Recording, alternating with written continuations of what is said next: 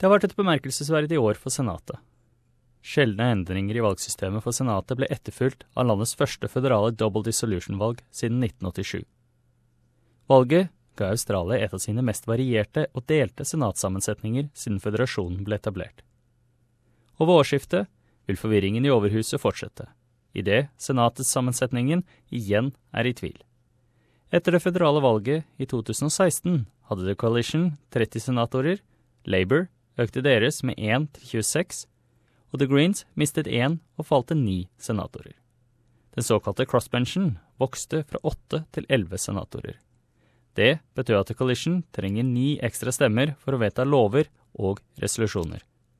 På den tiden erkjente statsminister Malcolm Turnbull at han var avhengig av crossbench hvis han skulle få sin agenda gjennom Senatet.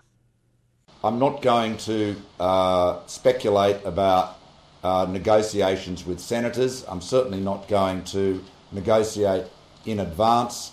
Uh, the we've got uh, a number of, as you know, that we don't have a majority in the Senate, so we will be talking to all of the senators and seeking to secure their support for this important legislation. We believe we will win their support.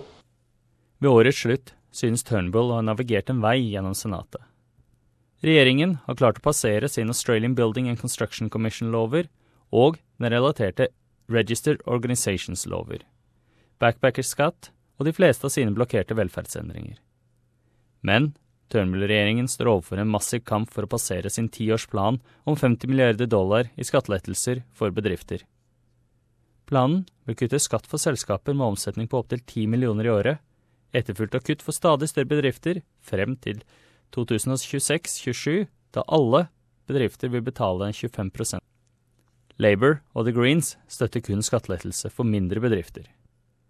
Regjeringen vil ha vurdert sine sjanser i Overhuset som bedre enn gjennomsnittet, med senatorene Rob Colton og Bob Day mest sannsynlig til å stemme med dem. Men senator Colton, en tidligere One Nation West Australian-senator, nå uavhengig, og senator Day fra Family First har begge fått sine posisjoner utfordret i Høyesterett. Hvis én av utfordringene blir opprettholdt, kan det endre den skjøre balansen i overhuset. Dommerne i Høyesterett har ennå ikke avgjort skjebnen til de to mennene og deres posisjoner. Av de to tilfellene er det saken til senator Culleton som er den enkleste. Grunnloven sier at en person ikke kan sitte i parlamentet dersom personen har blitt dømt og er under straff, eller er i påvente av å bli dømt for lovbrudd som straffes med fengsel i ett år eller mer. Senator Carlton hadde en tyverisak mot seg på valgdagen, som ifølge samveldet diskvalifiserer ham under Grunnloven. Han hevder at dommen senere ble annullert, og derfor ikke bør ha noen innvirkning på hans stilling. Hvis valget av Carlton blir kjent ugyldig, kan hans etterfølger i Senatet godt være hans svoger Peter Giorgio, nummer to på One Nation West Australians senatsliste ved valget. Giorgio ville ta hans plass som One Nation-representant i så fall, til tross for senator Coltons avhopp fra Pauline Hansens parti. Men senator Clinton sier han føler det ikke vil komme til det. Like Ned Kelly said, such is life. I just have to see how we go and uh, put up. But you know, it's, I feel very confident. I don't know how the government's going to argue, um, you know, annulment. Men Bob Day-saken er mer komplisert. Bekymringene knyttet til en potensiell økonomisk interesse han hadde i sitt Adelaide-valgkontor, og om det har brutt regler om økonomisk interesse for parlamentarikere. Hvis hans valg anses gyldig, vil en ny senator velges via en refordeling av stemmene han fikk under valget. Stillingen vil så bli fylt av kandidaten som er nest i køen etter en opptelling av de søraustralske senatsstemmene, og det vil trolig være en Labour-politiker. Konstitusjonell advokat George William sier retten vil behandle saken som en hastesak. In a case like this, you normally would expect the High Court would act as quickly as possible, as it does with elections and other matters of political sensitivity, because uh, obviously one vote in the Senate at the moment could make a big difference. Men det er ikke bare skjebnen til senator Day og senator Carlton som skaper en politisk hodepine for Turnbull. Spekulasjonene er økende blant backbencherne om at forsvarsminister Maurice Payne, advokatgeneral George Brandis og Indigenous Affairs-minister Nigel Scullion kan miste sine roller.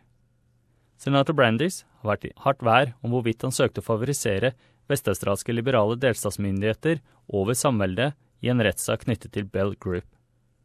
Han har også vært involvert i anklager om at han søkte å skade kontoret til Solicitor General. Opposisjonsleder Bill Shorten har fortalt Labours caucus at han mener at senator Brandis ikke vil komme tilbake i det nye året.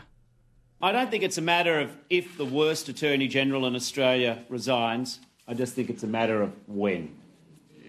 I don't think that Malcolm Turnbull's got the guts to sack the most accident prone and incompetent minister in an accident prone and incompetent government whilst Parliament sits.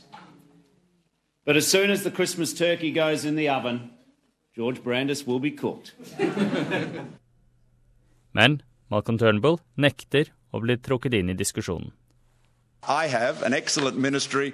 I'm delighted with the hard work my colleagues are undertaking, and it is measured in results. And the results are building up. We are delivering. Spekulasjonene kommer etter press på Turnbull om å returnere tidligere statsminister Tony Abbott til en ministerposisjon, noe statsministeren sier at han ikke vil gjøre. Men det kan være Abbotts statsministerambisjoner kan føre til den største hodepinen for Turnbull. Noen backbench coalition-senatorer antas å aktivt jobbe for en retur av Abbott. Men forsvarsindustriminister Christopher Pine sier at det trenger ikke være noen bekymring om det, fordi spørsmålet er avgjort en gang for alle. Tony Abbott and Malcolm Turnbull despise each other. Not true. Are you serious? Absolutely serious. They are very old friends.